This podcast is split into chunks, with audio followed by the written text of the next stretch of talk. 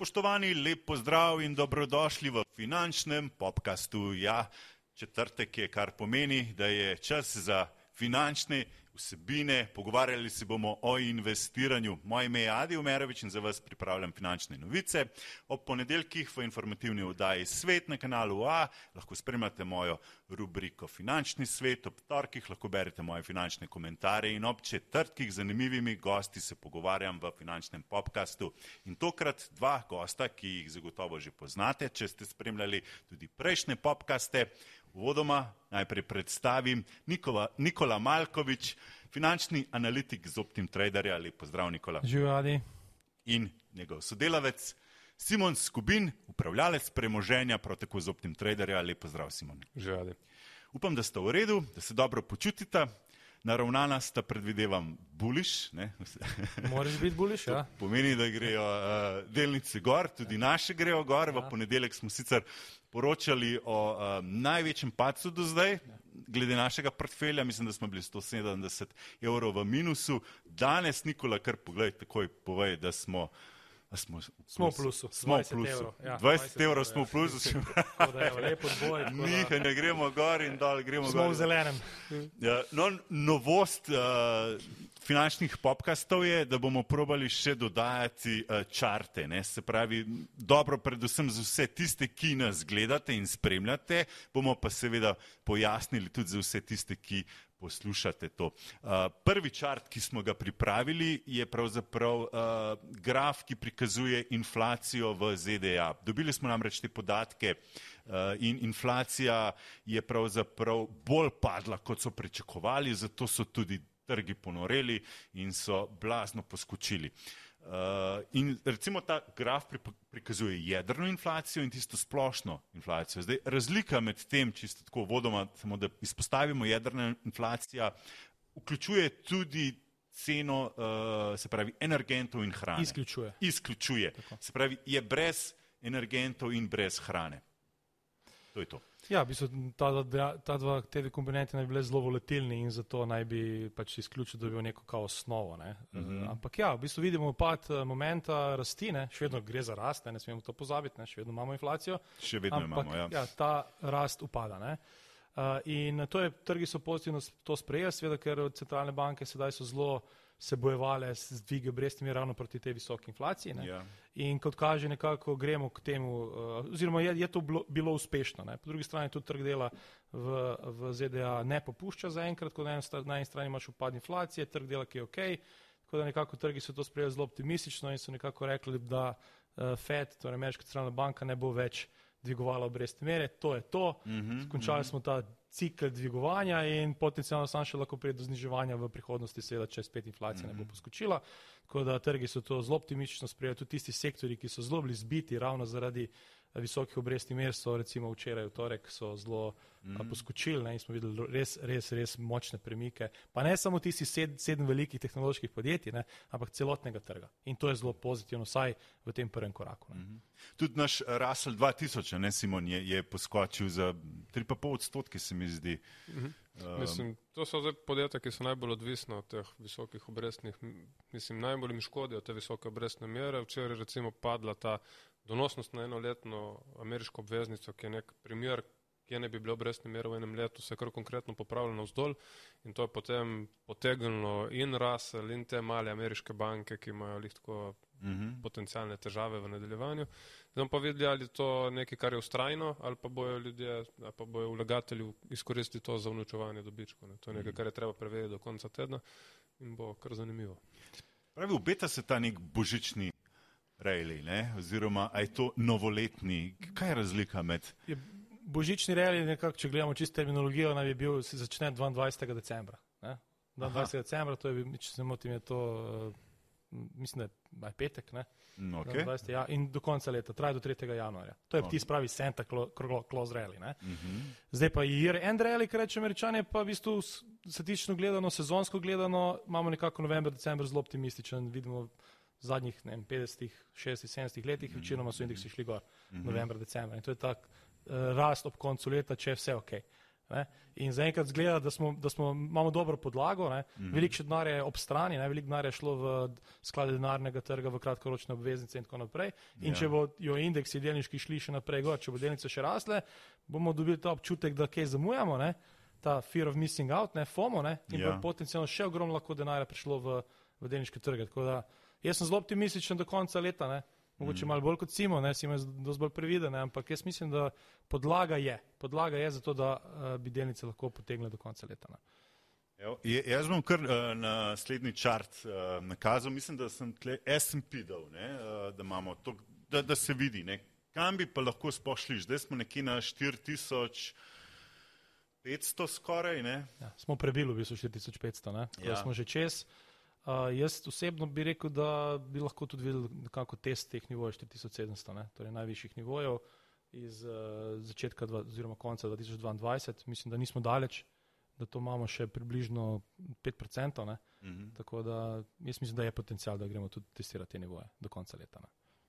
Pa je to eh, realno, da, da smo recimo padali tri mesece. Tukaj je bilo enih črnih oblakov, eh, vsi ljudje so začeli šortati nazdak, en video, zdaj pa vidimo, en video je spet pri 500, ne? spet gre nazdak gor, teh Magnificent Seven, teh veličastnih sedem največjih, eh, še vedno rastejo gor. Se pravi, kdo je zdaj tukaj bedak, ne? tisti, ki je šortal. tisti je zdaj, zaenkrat. Jaz se ja, počutim malo kot bedak, ja, ker sem vmes tudi to šortal. Ne bom dal kar nazdak naprej, ja. če se strinjata.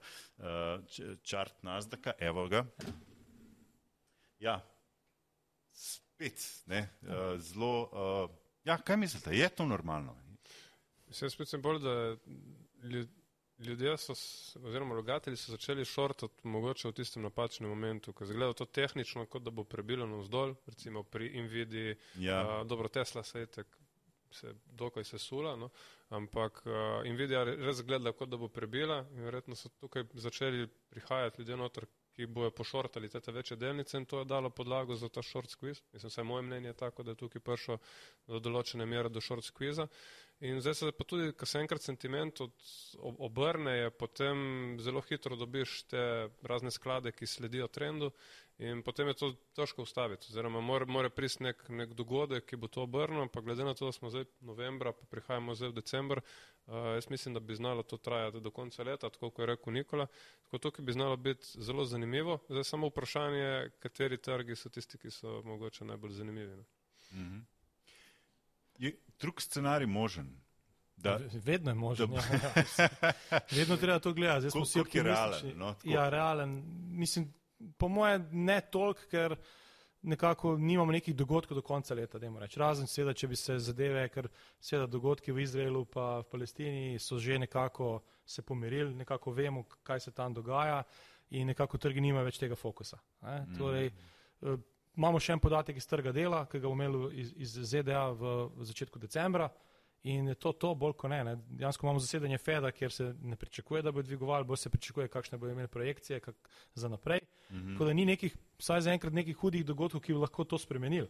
Mm -hmm. Tako da jaz bi rekel, da realno, seveda, vedno je možno, ker smo relativno visoko, ampak Ja. Vseeno optimistično gledam za naprej. Pre, prejšnji teden je Jeremy Pavel, ne prvi mož uh, Feda, ravno to izpostavil. Ne? Mi bomo brez oklevanja še dodatno dvignili, če bo treba.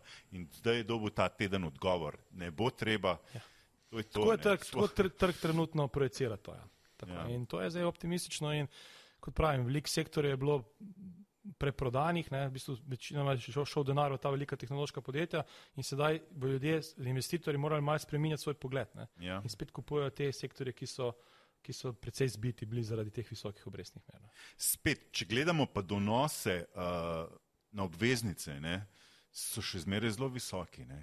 Še zmeraj je tudi inflacija prisotna, najtežje bi jo bo zbiti z 4 odstotkov na 2 odstotka, to je tisti najtežji uh, borba ne, na koncu. Uh, donosi so pa še vedno res, da so zdaj za 50 bazičnih teh točk padli ne, in uh, so nižje, kot so bili, ampak uh, eh, 4,5, recimo desetletna obveznica, donosi. Ja, za moj oči zaradi tega je težko iti all-in, če te lahko temu tako rečemo. Da vse daš zdaj, vse je vse super, ko še vedno so obresti relativno visoke, glede na to, kje so bile. Ja. Uh, tako da mogoče vseeno malce započakati. Sploh težko je loviti te tehnološke delnice, ki so res zelo visoko. Ja. Mogoče še nazaj niti ni tako visok, ampak če gledamo kakšen Microsoft, zgodovinski vrhovi. Ne, Tesla se je odbila, Apple se je odbil, Amazon, to, to zgleda vse to tako v špici gor. Ja. In sedaj, recimo, Adobe je tudi prebil na nove vrhove, mislim, zadnje vrhove. Ne. In uh, težko je sedaj notri. Ne. Čeprav imaš ta občutek, da nekaj zamujaš in seveda, če res zamujaš, če nisi notri. Mm. Ampak timing, če, če gledaš dolgoročno, timing niti ni tako pomemben. Ampak mi smo vseeno tukaj malce bolj aktivni, želimo mogoče malo bolj, vsaj malo bolj kirurško, ne, nekako vstopiti v te pozicije, tako da ja. sedaj težko kupovati tehnološka podjetja pa čakaš na neko korekcijo, nek palec, je vedno ta problem. Ne? Da tudi če korekcija pride, v bistvu kupuješ više, kot pa če takrat bi kupil, ko si se odločil. Ja, ja. Ampak ja, je pa res sedaj malce pre, pregreto vse skupaj, predvsem v tehnološkem sektorju, tako da mogoče bomo iskali priložnosti v teh sektorjih, ki še niso tako uh, skočilne.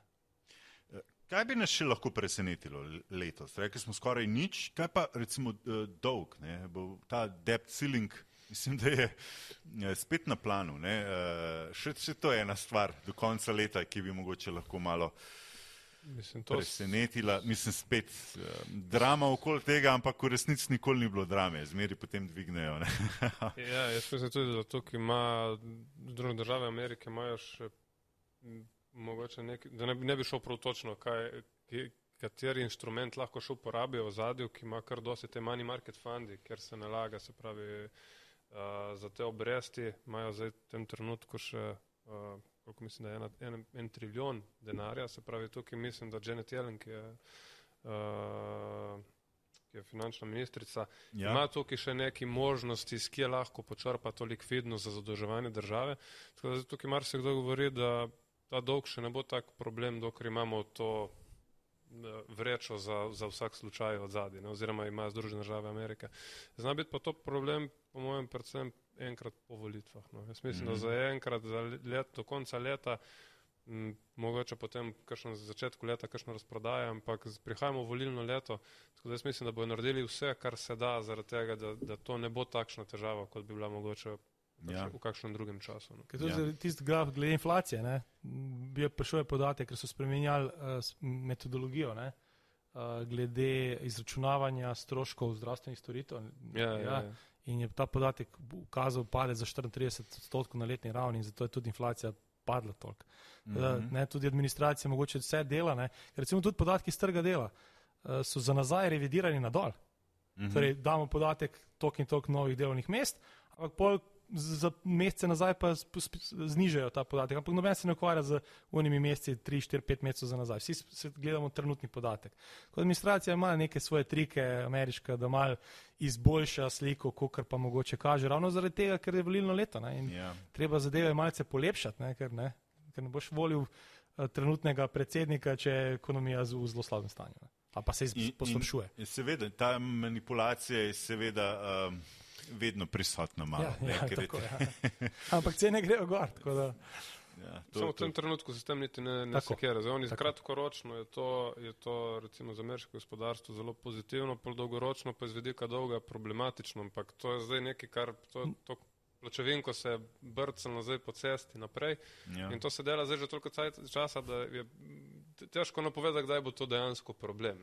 Ja. Uh, ampak glede na to, da je to volilno leto, jaz mislim, da, da se zna kar še, mm. kar še podaljšati. Mogoče kakšna korekcija zdaj v tem tednu pri teh velikih skokih, ampak potem je pa konec leta in verjetno bo spet ta želja potem, da se potegne trge na vzgor. Mm -hmm. Mogoče za hip, uh, kaj mislite pa o evropski inflaciji?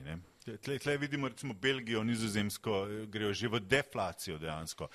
Mi smo čisto na repu z 6,9 odstotno, če se ne motim. Ne. Uh, poprečje je pa tam nekje 2,9 evropsko, ne. 3. Mislim, problem je tudi, ker v Evropi je težava tudi temu, da ekonomska aktivnost je konkretno padla. Ne. Tako da tukaj mi imamo večje težave, kot imajo američani. Zdaj videli bomo tudi, kar se tiče inflacije, kaj bo zdaj s cenami energentov. Zdaj, drug, Evropa ima tukaj mogoče še največ težave. Lani nas je rešilo to, da je bilo rekordno toplo leto.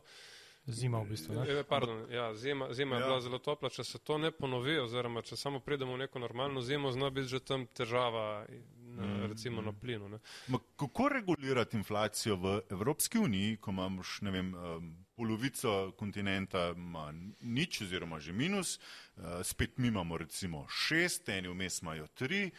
Mislim, čist drugačna atmosfera je kot v ZDA, ne, ker je nekako skupinsko. To. Točno to. Kako se pravzaprav tega sploh lotiš in kaj bi se zgodilo, recimo, če ECB na neki točki tudi reče, ok, mi ne bomo več dvigovali, kaj, kaj je za Slovenijo, kam ima skoraj 7 odstotno inflacijo, kaj se z nami zgodi, mislim, ali smo mi sploh. Mislim, da tukaj prav ne bi šel dejansko noter v, v to, kako bi se bile nešteto študij, da je združitev tako različnih ekonomskih con kot Evropska unija v bistvu po svoje nonsens in Zdaj, zdaj imamo to, ne? Zdaj imamo, zdaj imamo to, konc konca tudi evro, sam po sebi valuta, ki je zelo koristil, predvsem Nemčiji, toliko časa zdaj imajo. Mislim, tukaj so toliko različnih interesov, da vprašanje, kako se bo to rešilo, lahko samo upamo, recimo, moje, moje želje bile ta, da upamo, da ta zima ne bo tako huda, ker potem znajo te problemi postati še večji in kljub temu, da so določeni deli v deflaciji, če bo zdaj energenti konkretno poskočili, se bo to zelo hitro obrnilo nazaj. No. Uh -huh, uh -huh. Še okay. ena stvar, mogoče, ja. ki je pomembna na hitro. Uh, ameriški dolar je včeraj izgubil ja, ja. Uh, proti košarici svetovnih valut za največ v zadnjem več kot za, uh, enem letu. Uh, in to je za evropskega vlagatelja, ki vlaga seveda v ameriške delnice negativno. Ne. Torej, včeraj recimo rasel v dolarju poskočil za več kot 5 odstotkov, v evrih pa 3,5, ker je v bistvu dolar izgubil, mislim, malo več kot 1,5 procent. Uh -huh. To je ena stvar, ki je pomembna, ampak ja, slabitev dolarja pa pozitivno vpliva, predvsem na trge v razvoju. Ne? Eh, tako da smo videli tudi v zadnjih, zadnjih dneh, eh, zadnjih dveh dneh zelo lep skok tudi na trgih razvoja. Mm. Tako da je to treba nekaj, nekaj, kar moramo nekako ukomponirati v svoje odločitve. Ne? Dobro. Mislim, Evropa zgleda iz, iz delniške, imamo zelo visoko delniške indekse, ekonomija pa ja. je mogoče še v najslabšem stanju od, od vseh teh zadev, ki se jih spremlja, recimo kakšnih teh trgov za, za investiranje. Mhm. Ampak to tudi, pa zdaj pričakovanja so slaba, zdaj če se to vse skupaj obrne, lahko tudi to, to so to neke priložnosti, ima mogoče na, za evropske trge zaenkrat biti dobro malo pazljivno. Mhm. Dobro, jaz bom dal kar naslednji graf, uh, mislim, da imamo to naš portfelj. Ja. To je naš portfelj, v ponedeljek sem v oddaji. Uh, Zelo rdeč. Vse rdeče. Pa še zadnje rdeče. V komentarjih berem, zakaj Bitcoin ne kupite. Imel bi zdaj saj 13 tisoč ali koliko. 700. ne, vse lepo. Uh, ali pa 5. Ja, ja, ali pa 5. Za nazaj vemo, da je zdaj. Ja, ampak, ja. Ja. Uh, malo bolj uvodoma si že rekel, smo že v plusu 20. Ne? Ja, v bistvu v zadnjih dveh dneh, v bistvu to je petka, ne? vedno gledamo za zaključek eh, tedna. Tako. Ampak ja, delnice so se zelo, zelo lepo odbile, predvsem Russell se je zelo lepo odbil, uh, tudi uh, Alibaba, na koncu tudi Pan American Silver, ki smo v petek že razmišljali, ali bi ga zaprli, ne smo rekli, da je tok preprodan, da, da ne. Uh, in v bistvu Louis Vuitton. Louis se je zelo lepo odbil, ja, v bistvu ja. že včeraj, danes nadaljuje. Tako da zaenkrat eh, že razmišljamo, da smo premalo investirani. Ne? Kaj bomo naredili s temi 40 odstotki, v bistvu je tle ena manjša napaka, mm. ali pa imamo za 10 odstotkov. Tako, ja, to, to v bistvu smo dokupili 7. Eh, novembra, smo tudi, tudi zapisali si ti mm. v svojem komentarju tedenskem in ja, v bistvu sedaj se moramo odločiti, kaj s temi 40 odstotki narediti. Ne bomo pa več kot 10 odstotkov uh, pozicije imeli v posamezni delnici oziroma ETF? V ETF-u več lahko imamo, ker je manj tvegan, okay. ker nimaš toliko tveganja posameznega podjetja. Ne? Vedno lahko eno podjetje pride z neko novico ven in pade za 20% ali pa 15%, indeks pa ostane. Pa kakšno pozicijo ETF-a? 20 do 30 odstotkov lahko tudi. Recimo, ta ETF dividendni, torej v G2 v E, lahko ja. imamo tudi 30 odstotkov, ker je pač dividendni, so bolj relativno stabilnejša podjetja, ki imajo ja. cash flow, ki ustvarjajo denar, izplačujejo dividende, tako da lahko tudi do 30. Z zakaj ta VGVE zdaj ni poskočil, recimo, ne, kako je bil? Mislim, da, da Mogoče smo, ga celo ja. imam, telegraf, čak te bom pogledal. Naslednji je, aha, tole imamo Disney. Tako, ne? vidimo zelo lepo dvoj Disneya. Ja. Dajmo najprej Disney pokomentirati. Okay. Na, naš paradni kon, edini zelen, ki smo ga videli prej tam. Ne, ja. bil, uh, paradni kon pa imamo 5%, ne, paradnega konja. Ja. Bilo bi fajn, če imeli več, ampak se ne moš vedeti, bil je bil to v neki časa bil uh, zelo, zelo v zelenem. Ampak ja, v bistvu, kar je podjetje objavilo poslovne rezultate, Uh, vidimo, da delajo zelo na tem, da znižujejo stroške in to jim uspeva. Mm -hmm. Tako da so dejansko imeli dobiček na delnico bil uh, precej večji od, uh, od pričakovanj, mm -hmm. prihodki niti ne toliko, ampak delajo na tem, da zmanjšajo te stroške. Tudi mnoga uh, CFO-ja imajo, ne se pravi. Prišel bo novi, ja, zdaj finančnega tako, direktorja. Mislim, ja. da pride iz uh, uh, Analog Devices, če se ne motim, to mislim, zdi, da je, tako da ima že izkušnje in tako naprej, tako da podjetje dela na tem, da izboljša svoje poslovanje, predvsem z tem uh, zmanjševanjem stroškov. Ne. Tako da zaenkrat je ok, delnica še vedno ni ravno optimizma veliko pri ja. uh, investitorjih, ker se delnica še vedno je v tem trendu nadol. Ko gledamo ta graf, ne, vidimo tle pred letom 2022. Sploh ni na grafu, ne. Kakšen tsunami je ja, v bistvu sploh ne vidimo tega tsunamija. Ne vidimo, ja, ne, lepo si ga skril. ja. Mi vidimo samo tale downfall, ne, to, ja, kako smo ja. dol padali. Ampak vsem govorimo o Disneyju, ne vemo, da to ne bo šlo in zato smo tudi takrat investirali. Tako. Ko je bil tam nekje pri 80 ali kje. Uh, 82, če se ne motim, imamo vstopno točko. Ja. Uh, tako da je pa res, da če gledamo zdaj zadnje te, uh, mislim, vemo, da Disney Plus je bil dober, ker so dobili novih mislim, da je bilo 7 milijonov novih uporabnikov, so na 150 milijonov uporabnikov, ja. te svoje pretočne aplikacije za pretočne sebine. In, uh, ampak zdaj so prišli novi filmi ven in je zelo porazno vse skupaj. Mm. The Marvels, mislim, da so imeli naj, najnižji prihodek v prvem vikendu ne, v kinematografih, 47 milijonov je bil najnižji v zgodovini od Marvelovih filmov. Tako da to moramo zaenkrat, zato ne dodajamo. Zato smo previdni, ampak zaenkrat zgleda ok, če bo se zadeve malce izboljšale, bomo pač tudi dodali 5%. Kaj pa mislite, do kam bi ga držali? Bi, vem, do 95, do, do 100? Ali... Zaenkrat nimamo ciljev, no, ker zaenkrat spremljamo sproti, da vidimo, kakšne bojo zadeve. Če se zadeve precej izboljšajo, lahko tole precej više 120, 130. A da bi šlo lahko? Lahko gre, če se zadeve zelo obrnejo, ker je veliko negativnega sentimenta, zato smo tudi kupili to delnico, ja. ker je veliko slabih novic bilo in sedaj se to izboljšuje. In če bo ta trend nadaljeval vse, verjami, Adi, da pri 110-120 bo veliko več zanimanja za Disney, kot je zdaj. Ker pri 120 bomo dobili to potrditev, zdaj je bil obrat, poslovanje izboljšano, zdaj pa prijo še dodatni denar notri. Na isto mm -hmm. kot recimo primer, ne vem, Uberja, ne, noben ga ni želel imeti pri 30, 40, zdaj pa pri 53 ga pa si želijo imeti, ker je zdaj pa fenomenalno podjetje in tako naprej. In tako naprej. Tako da, cena bo tista, ki bo spremenila sentiment. Tako da ne rabimo se, po mojem, omejevati. To, to, Če bo šlo tole gor. V bistvu novice vedno sledijo uh, ceni. Ne? Cena je tista, glavna. Cena je tista, ja. ker ti naredi zaslužek ali pa izgubena. Hmm. Zdaj pa gremo uh, k podjetju, ki nam je pa največ minusa ustvaril. Bom kar tebi, Simon, predal. Ja, ja, to je tvoj sprinter, ki si zlomil nogo. Že Ampak še teče. Pan American Silver. Trudi se. Ja, Puza nekako še, ne. To so ti rudniki zlata in srebra. Uh, ja, zlato je šel gor, pas pa nekako niti ne. ne. ne to, je zgod, to je zgodba minerjev, pač to ni To, reč, to je po, v osnovi že slab biznis, ampak je pa, da reč, pri, pri slab biznis na splošno za vse minerje. Se pravi, tebi gre stroški ven, gor, kot je recimo šla nafta in kar naenkrat imaš zelo močen pritisk na maržo in to se recimo tudi tem, pa ne samo to podjetje, oni so imeli mogoče tudi malo nesreča s tem, ker pokvaril se jim ventilacijski sistem, pa zadeli so jih točno v nek predel, kjer, so, kjer ima manjšo vsebnost pač zlata in srebra, kar pomeni, ti koplješ več, dobiš pa manj ven, tako da, mm -hmm. avtomatično ti maržo zniža. In to so vse nekako se je naložilo v tem kvartalu in potem je bila tudi ta delnica dejansko zbita ob temu, ko je zlato tudi tistih par dni korigiralo. Uh, smo pa imeli zdaj recimo včeraj lihta, ko se, ko se obrne recimo ta trend, ne, zlato je podskočeno vzgor in tudi to podjetje je potem konkretno popravilo. Mm -hmm. Tako da zdaj iz fundamentalnega vidika to še zmeri zanimiva prilika, mislim, moram reči zanimiva prilika, ampak to podjetje je dobro v primerjavi z drugimi, ki so recimo izpostavljeni na srebro sploh. Uh, bomo pa videli, zdaj Jaz sem pozitiven, jaz, jaz ne bom rekel, da ne, sem vesel, da nismo tega prodali, tega, ker bo res konkretno ja. počiščeno.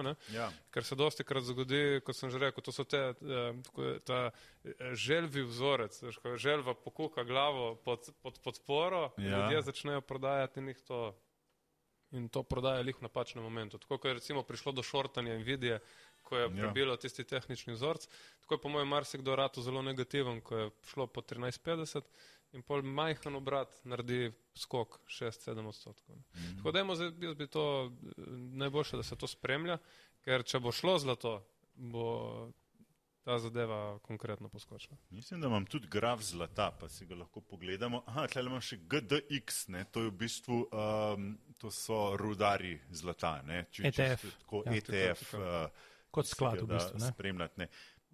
To, to smo v bistvu dodali noter ta graf, glih tok, da se pokaže, ne? da ni bil samo uh, naš pas, pravzaprav ta, ki. ki... Najslabše v bistvu dela največje.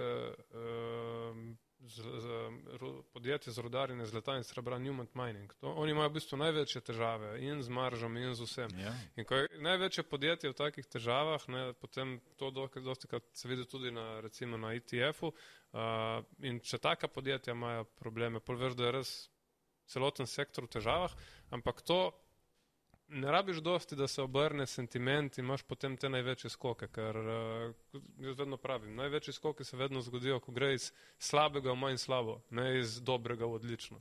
In to je zdaj mogoče neka taka zadeva, ki bi znala biti, je pa vse odvisno, kako bo delo to zlato. Jaz tudi mislim, da tudi pri Pan Amerikanu, ne, ki ga imamo, ja. če se zdaj tukaj zlato, srebro obrne navzdol, mislim, da je to nekaj, kar je potem treba. Uh, rezati oziroma omejevati tveganje. No? Ker pogledajmo še, še zlato. Ne? Lahko je samo vprašanje, ja. recimo, tudi za Simona. Recimo, zdaj smo šli v rudnike zlata, alternativa bi lahko bila investiranje direktno v zlato. Tudi preko ETF-a, ne obstaja ETF na zlato. Ko vam to omogoča razmišljanje, recimo, kar najhujše, recimo, zdaj se vidi, vidi predvsej ta divergenca, torej ta, to odstopanje, uh mhm. -huh. ker zlato gre gor, oziroma zdaj se malce popustilo, medtem ko pa rudniki so se pa čisto uh, sesuli. Ja. In na koncu ti staviš v bistvu na rudnik zlata, zato ker meniš, da bo zlato šlo gor, ne? ampak pa rudnik ne sledi zlato. Cenu zlata. Mogoče ta, zlata, ja. to razmišljanje, zakaj pol mogoče ni boljše iti dejansko v zlato, pa veš, da, da staviš na to, kar, kar uh mhm. -huh. spremljaš, ne? kot pa greš mogoče v rudnik, ker potencialno imaš tveganje tudi, da ne, ne, kot, ne, ne, ne sledi ceni osnovnega inštrumenta. Koliko so drugi faktori, recimo ja. cena goriva, recimo tlele, ne? ker je bil tudi uh, benzin zelo drag, koliko ima to uh, efekt pri kon konkreten, preko roke, pač 30% stroška vsakega mining podjetja je cena goriva, tako da tukaj ima zelo velik, velik pomen, kam, kam gre nafta. Mm -hmm. Kar se pa tiče tega, kar je rekel Nikola, ne, zdaj, uh, recimo cena gre na zgor. Jaz mislim, da za dolgoročno držanje, da imaš ti recimo fizično zlato, Včeraj sem imel dober pogovor z enim sodelavcem, sem rekel, to je najboljša uh, cash pozicija, če tako pogledaš. Ne? Zaradi tega, ker ti bo držalo, če pogledamo zdaj zlato v evrih, fizično zlato v evrih, je v zadnjih dveh letih delalo najboljše od vseh teh sektorjev. Ne? Vseh sektorjev, ki gledaš, razni ETF-i, je fizično za to delo najboljše. Tako da zadržati neko vrednost premoženja je to, je to odlično. Uh mhm. -huh. Za kar se tiče pa gold minerjev, to, kot sem rekel prej, to so opcije, to je vzvod. Zapravi, če jaz recimo teh minerjev ne kupujem zaradi tega, ker pričakujem, da bo zlato na 2000, ampak zaradi tega, da bo recimo prebilo na 2100, 2200, 2300, 2400, če se to zgodi bo potem ta sentiment tako hitro obrnil no? in pa tudi te marže, recimo vseh teh proizvajalcev se bodo tako hitro povečale. Spravi, nekdo lahko pri 2000 dela zelo majhno maržo, ampak mi skočimo recimo 2200, to je 10% skok na ceni zlata, ampak na marži nek določenega proizvajalca je pa to lahko 200-300%. In to se potem tisto, kar, kar spremeni ceno delnice, kar spremeni sentiment In to so v bistvu ta tre, to je v bistvu orodje za trading.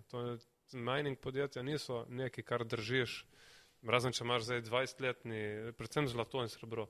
To ni nekaj, kar držiš 20 let, ampak mm -hmm. to držiš, kupiš, ko je razprodano in prodaš, ko, ko, pride, ko se sentiment obrne. Mm -hmm. Tako da jaz mislim, da pan, pan American Sealer, pa kakršno koli to podjetje, ni to nekaj, kar boš kar v nedogled držal. To, kadar enkrat se sentiment spremeni na pozitivno in dobiš skok, moraš to prodati. No. Pri zlatu mi še vedno smo vsi buliš, ne? se pravi, vsi verjamemo, da bo šlo nad 2000. Um, No, vse se dobro drži, ne? ker vmes je izgledalo, da bo padel spet na 1900 oziroma še malo manj, ampak ni, ne? je spet začel. Spet pravim, zadnjih, dveh letih, na, zadnjih dveh letih zlato v evrih za evropskega investitora najboljši inštrument. Ja. In to je, to, to je vse, kar je treba povedati. Ne imaš nazdak, ampak nazdak lani Je bil minus 50. Ne? Ja, je počeslo, zdaj je šlo gor, ampak ko pogledaš na, na kje smo, smo tam, kjer smo bili recimo dve leti nazaj. Mm. Medtem ko je zlato, mislim, da je koliko 10-15 odstotkov više od tega.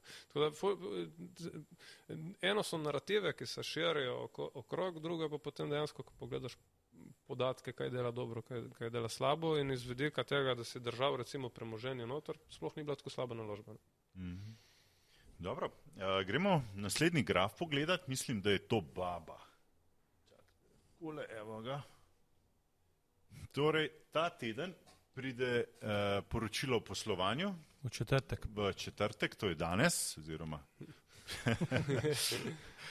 danes popovdne in uh, pravzaprav bomo Eh, glede na to, da ste se predsednik Kitajske Xi Jinping in eh, predsednik ZDA Joe Biden tudi sestala, je to nek pozitivni signal ne? in lahko pričakujemo, da bi Alibaba, ki je prav tako kot Disney nekako, uh, ne, ne morem reči neopažena, ker jo čisto vsi vlagatelji jo spremljajo in vsi nekako pričakujejo, da bo šla gor. Um, ampak ja, vsi pričakujejo, da bo šla gor. Ne? To je, upam, da to ni preveč nevarno. Ne. Ja, bomo videli, kakšni bojo bo rezultati. Uh, je pa spet ena, ena trna ravna zgodba, no, nekaj, kar se, nekaj, kar se lahko obrne, če pač razpade. Bomo morali iti ven. Ja, veliko, pač ven. veliko bo znanega danes, konec, te, mislim, konec tega tedna. Ja. Da, če Alibaba ne bo dala, sla, dala slabe rezultate, pa da se v bistvu nič kaj pametnega ne zmenijo, administracija ameriška pa kitajska, potem pač bo treba mogoče začasno izstopiti iz Kitajske pa iskati kakšne druge priložnosti. Mm. Ampak Alibaba vidika fundamenta zelo poceni, primerjalno ja. sploh z američani, seveda, ker zaradi teh in drugih razlogov, ampak tvegan, ne. Ampak zdaj, danes je spet malo više, tako da ta 80, med 80 in 90 ja. skače gor pa dol, ne, vsi nekako čakamo spet, isto kot Disney, ko Alibaba mogoče na 95, 100, bojo vsi hoteli imeti. Ja. Ali pa na 120. Ali pa na 120, samo moramo iti pa čez ta, se na grafu se lepo vidi, čez to območje. Ne, 100, vsaj v zadnjem trenutku vidimo, da smo nekje sredi julija, avgusta smo imeli ta skok čez 100, ne, vsi smo bili optimistični ne, in spet smo šli po nazaj pod 100. No, no se, če pogledamo, če se spomnite uh, v začetku leta, ko so bili tisti uh, vohunski baloni z Kitajske, ne, Aj, ko, ko je bila tista hecna zgodba ne, in kako je to vplivalo na, na poslabšanje odnosov med ZDA in Kitajsko, Ali baba uh, na grafu je bila tam nekje 120. Ne? Tako. Pa pa šlo, bili ja, ti odnosi tako, ja. Uh, nekako res porušeni ne? in zelo slabi. Ja, zdaj, zdaj, ko so ti odnosi zelo boljši, ona dva se dobita skupaj. Ne, sta, iščejo rešitve. Ne? Iščejo rešitve, so pa na 83 ali baba. Samo, da... samo tudi ekonomsko je tukaj mogoče malo, malo preveč upanja. Je bilo po lanskem letu, ko se je tisto odprto po COVID-u bilo tisto veliko upanje, da bo kitajska vlada dejansko stimulirala in ko se to potem enkrat ni zgodilo, so potem tudi ekonomski podatki niso presenečeni na tak način, kot recimo v Evropi ali pa v Združenih državah Amerike. To se zdaj mogoče spreminja, ne? ker mm -hmm. v mhm. torek so že pri, pri, prihajajo vam podatki, da se Kitajci res trudijo to, to spremeniti. Ne, da je to brez rizika in še zmeraj mislim, da recimo tu pri Alibabi, če se prebijajo neki tehnični nivoji, moramo iti ven. Ampak tukaj so te risk reward, ne, se pravi, sentiment je še zmeraj dokaj katastrofalen vse te delnice. Medtem ko se v ozadju dogajajo neke zadeve, ki spreminjajo to in ekonomsko sliko in fundamentalno sliko in če pride dejansko do neke otoplitve teh odnosov med Združenimi državami Amerike in Kitajsko, zna biti to res neke stvari, ki ti pol naredijo lepo, lep donos tudi z neko, neko malo izpostavo, če pa dejansko to pade, imaš pa itek tisti stop loss oziroma tisto omejitev tveganja, da rečeš, ok, to pa zdaj ni vredno, ampak na, na ta, to, to so te, te spremembe sentimenta, so tiste, ki so ponovadi najboljše recimo za kakšne mm -hmm. poskoke na vzgor. Mm -hmm. Dobro, v današnji vdaji bi se radi malo več o ETF-ih tudi pogovarjali. Uh, ETF-e imamo tudi mi v našem portfelju, eden uh, recimo je VG dvojni v E, to je svetov, svetovni dividendni ETF. Uh, sledi, mislim, da 1762 delnicam. To številko si si naučil, ne? Ker rad ponavljaš.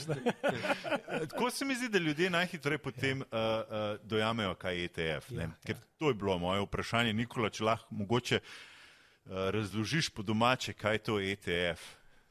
V bistvu gre za eh, košarico, da je tako enostavno reči. Že sklad je že lahko malo težka beseda, ampak gre za košarico, v kateri so pač tok in tok uh, delnic, različne delnice, ne? različnih podjetij, ne? različna jajca, den, če lahko rečemo. Ne? In uh, pač, ko se vsi koti, recimo, se pogovarjamo tukaj S&P 500 nas, da ljudje rečejo, pa kaj je to S&P 500, kaj je to nas, tukaj ne, ne, ne, ne izrazi, ki prvič slišim. Ja. Pač SP 500, kaj skratica je Standard Poor's. Ne? Torej, v bistvu eno podjetje, Standard Poor's, ki se je odločilo, da bo našlo eno košarico 500 tih največjih podjetij v ZDA in jih bo dalo v eno košaro. Mm -hmm. In oni so se določili s metodologijo, koliko ima določeno podjetje v teži mm -hmm. v tej košari. Ne, nima vsako podjetje isto, ni, ni vsako jajce isto težko, ampak ima isto tež. Ne. Ena jajca so malo večja, ena so malo manjša. Ne. In uh, oni imajo pravilo tržne kapitalizacije, koliko je dejansko podjetje vredno. Torej število mm -hmm. delnic, -hmm. krat cena delnice. Mm -hmm. Dobimo vrednost podjetja na borzi.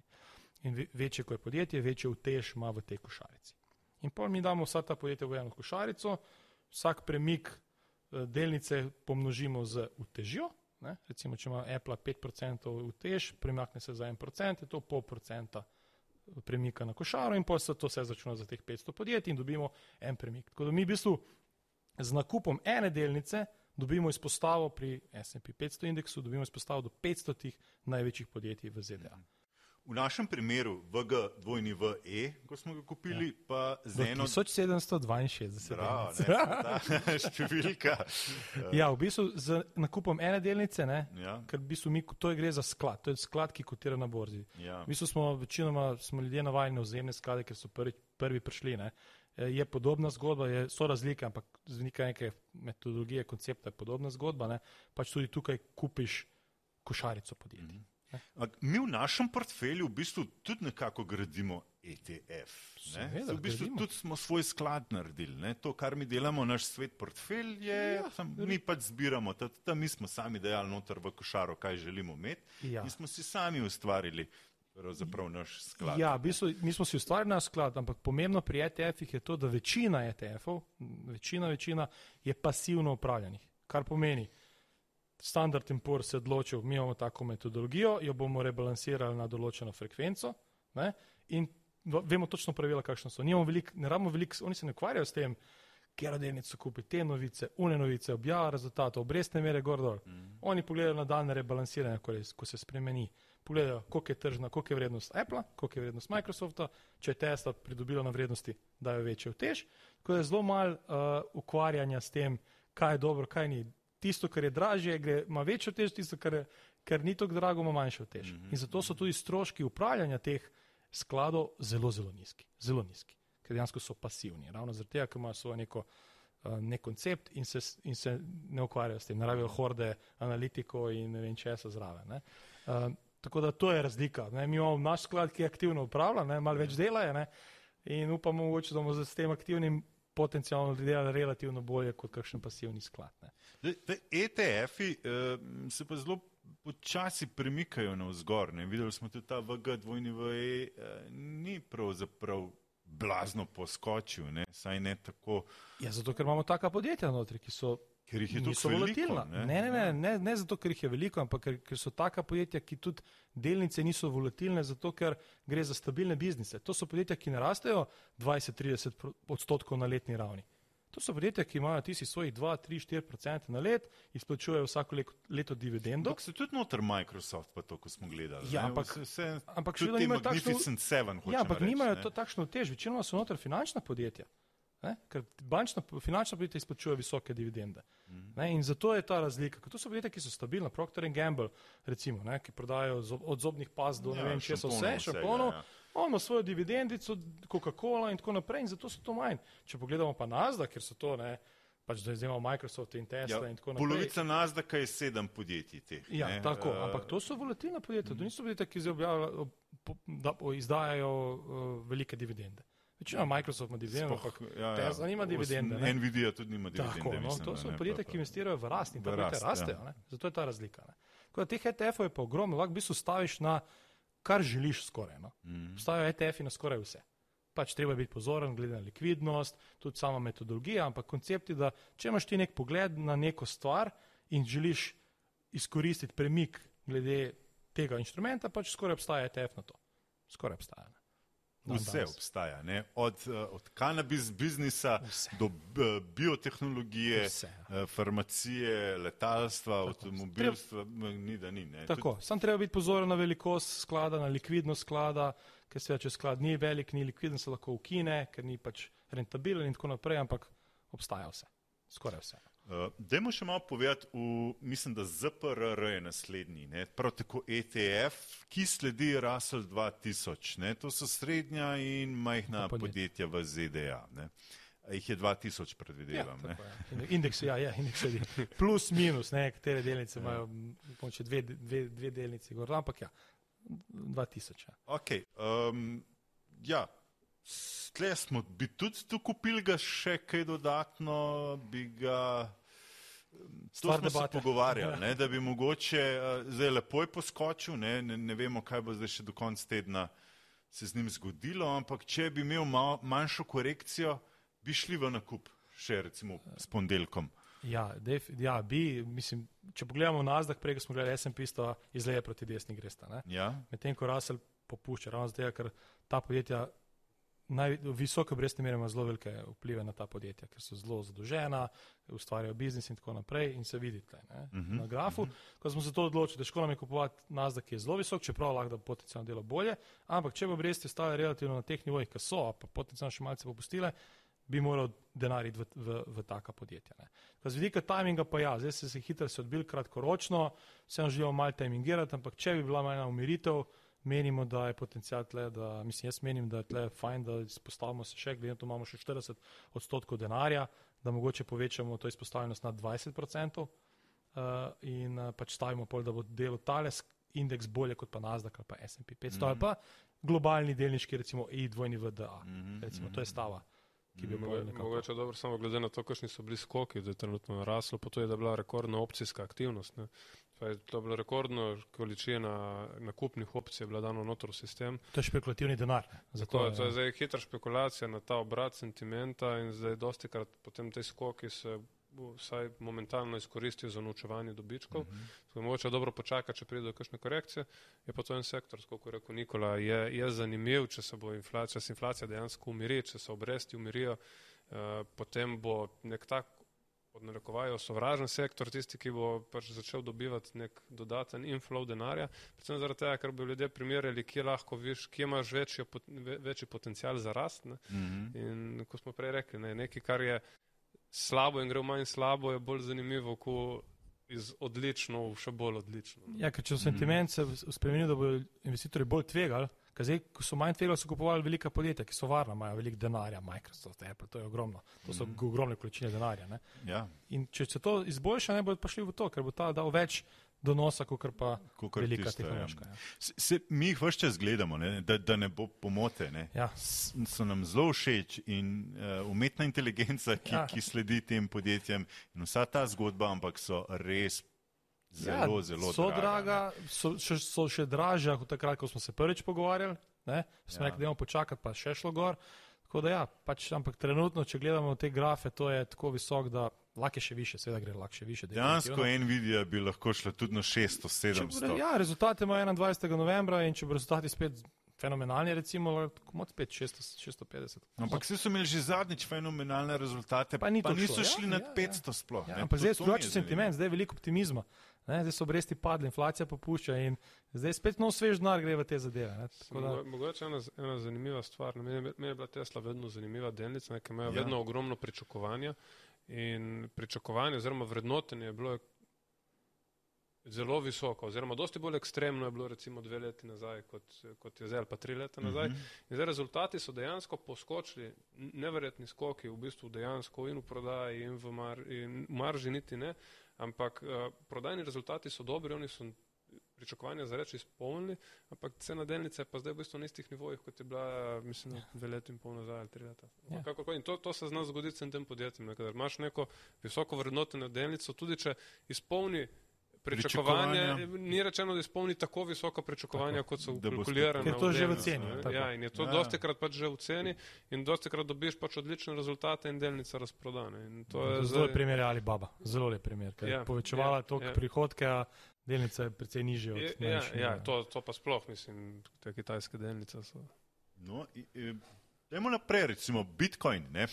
Ena od teh stvari, ki se vedno sprašujemo, je to zdaj že všteto v ceno, eh, prihajajoča mogoče zgodba o tem spot ETF-u ali um, če pričakujemo ful višjo rast, nekateri pravijo, da bo na 50 tisoč še letos dosegel Bitcoin, nekateri še celo več, na 80 tisoč.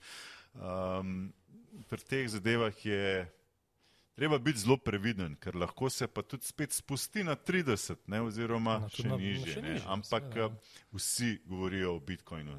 Je ena od tistih tehnologij, ki se mi zdi, poleg umetne inteligence, da je zelo velik hype trenutno okoli tega. No?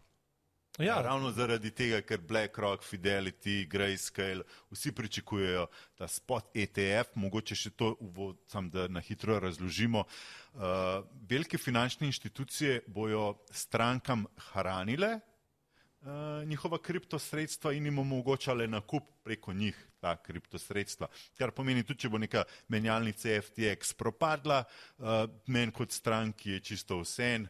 Jaz imam pri BlackRocku, BlackRock ne bo propadel, BlackRock meni jamči, da imam jaz tam toliko bitcoina. Se pravi, zelo va- varen koncept je že. No? Je, ja, so določena tveganja. ne. Saj Tudi, če imaš ti v hladni zmeraj lahko pade, ja. Ne, ne, dobro, zdaj, Bitcoin V je na bistvu- 5000. Tako, ne, lahko. To, to je zdaj cena. te- ne. Eno je cena, je pa varnost. Eno je pa Bitcoina, varnost ne. uh, same menjalnice Ja. in vsega. Eni Ja. pravijo, najboljš dati v hladno denarnico, sam to hladno denarnico, to je fizično spet, isto kot imaš problem kot zlato, fizično, ne.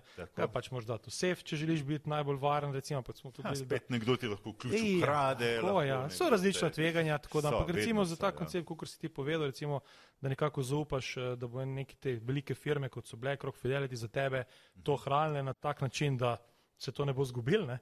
in pač staviš na ceno. Ne? In to, Ja. če to pride, nekaj v Evropi že imamo te ETF-e, ki ko ti kupiš, v, v, kupiš ta ETF, pol to podjetje gre in kupi bit, Bitcoin spot, gre na trg Tako. in kupi ga in ga za tebe drži. Ne? Tako, ta ETF smo ga že omenjali, mislim, da Tako, na zadnje, BTC. ko sta bila prav tako tukaj v, v studiu pri meni, BTCE. Ja, Trguje na nemški borzi. Ja. na nemški borzi je. Ja. Mislim, da ga imam tudi sklele naprej. Uh, evo ga, BTCE. Uh -huh.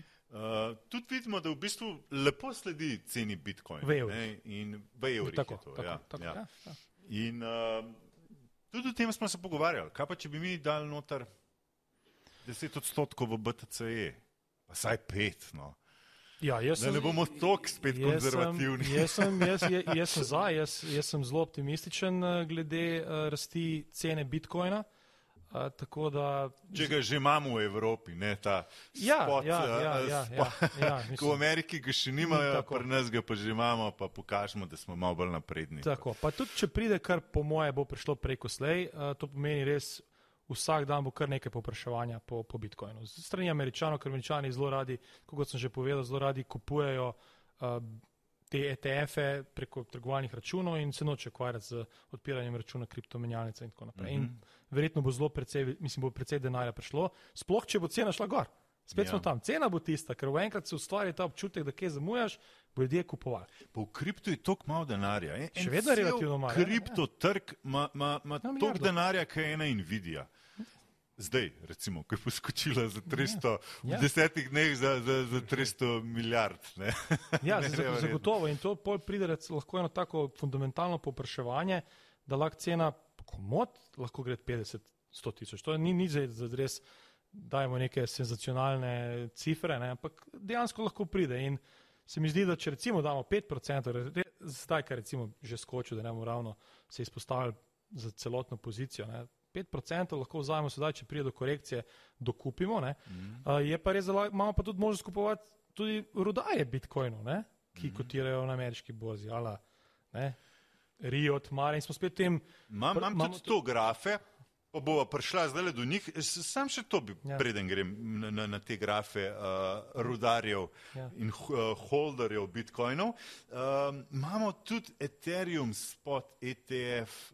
Ja, v V Evropi, Evropi je, ga ja. že imamo, ja. v Ameriki pa to blazno. Pa tudi BlackRock- vse hoče ga zdaj. BlackRock je dali. dal zahtevo tudi za uh, Ethereum ETF. Tako, zato je tudi Ethereum poskočil Tako, gor. tako. Ne, in, in, uh, Ko ko enkrat big, veliki igralci pridejo, oni ne bojo zbili ceno, vsaj ne v začetni fazi. tako. Tako da so verjetno zbili, da so, da so prišli noter. Ne? Tako da jaz mislim, zdaj, ko oni prihajajo, da, bo, da, da je potencial, da gre to gor. Tako da ja, mogoče niso toliko likvidni, mislim, da je največji je v Evropi 200 milijonov ima sredstev v upravljanju, kar je še vedno ok. Ampak eh, ja, imamo, lahko stavimo, če ne želimo se ukvarjati z kriptomijalnicami. V bistvu je tako, kot BTC, pa e na koncu je ta ETH, pa e na ja, koncu. Oziroma, Oziroma, če damo na TradingView, mislim, da damo, da je CETH. CETH, da je, trguje na je, nemški borzi. Na nemški borzi. Ja. Um, bi tudi to dodali 5 odstotkov, da smo še bolj zgodni, recimo, da imamo 5 odstotkov Bitcoinu, 5 odstotkov Ethereumu.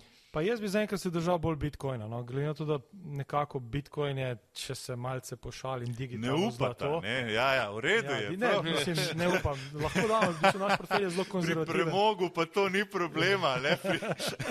Jaz sem pr premoge, premoge sredstvo, ne? recimo Bitcoin je pač digitalno sredstvo. Ja, ja, Težko ja. ga je ovrednotiti z vidika nekih tradicionalnih metodologij, ne?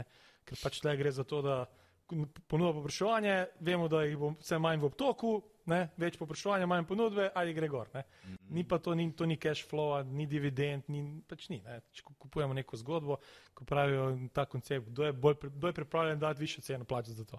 Na podlagi pač nekega ne vem, česa. Ne? Mm. Težko je težko je vre, eh, po tradicionalnih metodah težko vrednotiti, koliko je Mislim, realna cena bitcoina. Mislim, ti imaš eh, zaradi premoga, imamo zdaj tle luč, ne? se ja. lahko zdaj tle pogovarjamo v svetlosti. To so zdaj debate, ki lahko že rečemo. Ja, hočem samo reči, kako je pač ta, ne veš, kje je ta. Uh, realna vrednost od zadnje je določena na nekih drugih parametrih, kot je ja. mogoče na nekih teh realnih sredstvih. Ne. Ampak mi rečemo, recimo, več popraševanja bo potencijalno zaradi tega spod ETF-ov, zaradi večjih bo. Ja, ja. Ponudba je kak, takšna, kakšna je, vemo in pač logika. Ne, pa, pa, zdaj je res rastu. Tud, tud tem, Ampak če bo več denarja še prišlo, potencijalno bo še šlo gor, ker ja. ne, če ponudba ostane ista, pa ne gre tako hitro, hitro gor, kot gre popraševanje, je logično, da bo cena šla gor. In pač to je. Pa če verjamemo, da bo, da bo kripto del nas, kar je absolutno je že, verjamem, je že, ja. je že in ja. še bo. In glede na to, da je cel kripto trg še enkrat, ja. polovica podjetja Apple, recimo. Razmerje med nagradom in tveganjem še vedno je zelo dobro. Zato pravim, 5% dati portfelja notri ja. se mi ne zdi sploh pretvegano. Tu če pade za 50%, to pomeni 2,5 odstotna padec našega portfelja. To pomeni 250 evrov izgubimo. Ja. No, vse zato pa pravim, jaz, tisoč, jaz bi dal še pet postov v Ethereum. Ja, jaz bi za nekaj počakal, ne vem, tako mogoče. Pa, okay, če bo no. korekcija, no. bomo dodali. Bom, po novem letu, pa, Ajde, ko bo. Ethereum poskočil na dva pa pol, da enkrat čez noč. Pa smo se odločili. Kripto res poskoči čez noč. Ne, to je, Tudi Aziji trgujejo zelo, veliki in pol, ja. doskrat pol po noč se naredijo te pumpe. Pa tudi za vikend trguje. Ja. To je 24-7. Kripto ne spi. Delnice se ustavijo ja. za soboto in nedeljo, mm. kripto pa ne. ne. In se verjetno bo kmalo tudi, tudi nas, da ki vse, ko bo enkrat to vse na kriptu zelo delovalo, bo, bo 24-7 skozi. Sam tega si ne želim. Se so že neki predlogi, pa še ja. nekaj določeno že. Ja. So, Saj je fajn, da se vsaj v soboto in nedeljo malo počimo. Ne. Saj dva dni. Ne. Ah, kaj boš počival?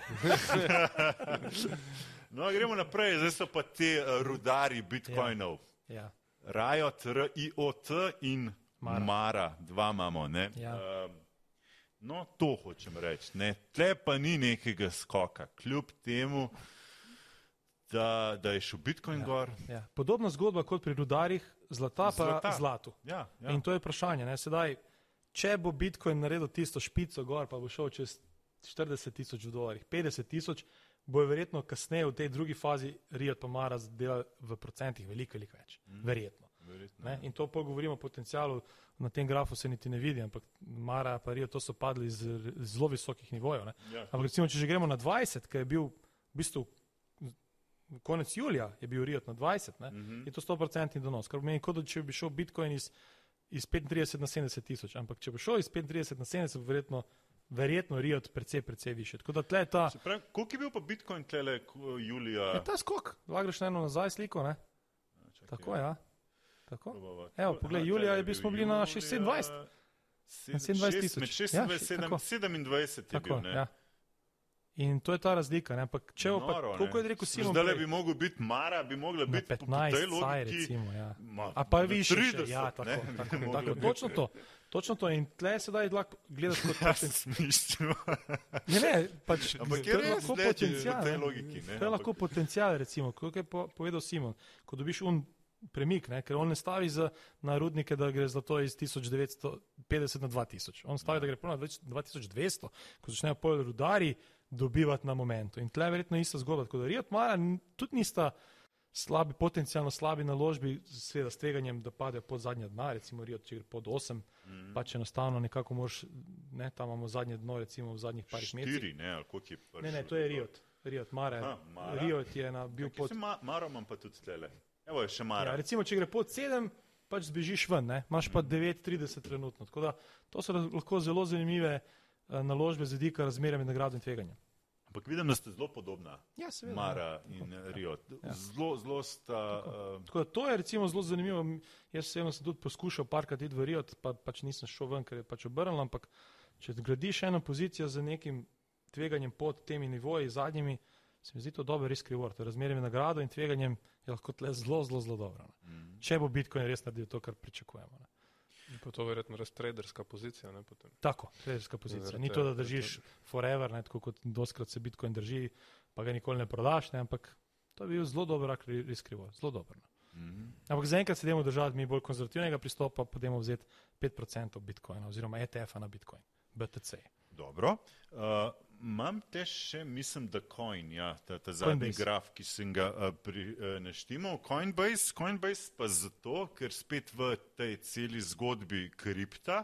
Uh, Coinbase bo ta, ki bo za vse te BlackRock, Fidelity, Grayscale, v bistvu za velike finančne institucije, bo on nabavljal uh, kriptosredstva prek različnih menjalnic in uh, jih potem uh, omogočil in hranil, mislim, tako, da tako, celo tako. Za, za, za njih. Mislim, par podcastov nazaj uh, si imel z gosta Neca iz uh, Bitstampa, ki ravno in je zelo lepo to ja. razložil. In ja, spet večje popraševanje, več bo šlo flowa čez Coinbase, več provizij, tako da potencialno tudi ne, mm -hmm. boljši prihodki, tako da Coinbase je tudi en izmed možnosti, kako lahko staviš na rast Bitcoina. Definitivno. A bi Coinbase lahko postal taka velika finančna institucija, kot je BlackRock, pol, oziroma nek kripto institucija velika, ki bo ne, je, vse velike banke. Po moje ne, ker še vedno, tudi, kot si rekel, gre za majhen naložbeni razred, to je še vedno eno milijardo vredno vse skupaj. Ne?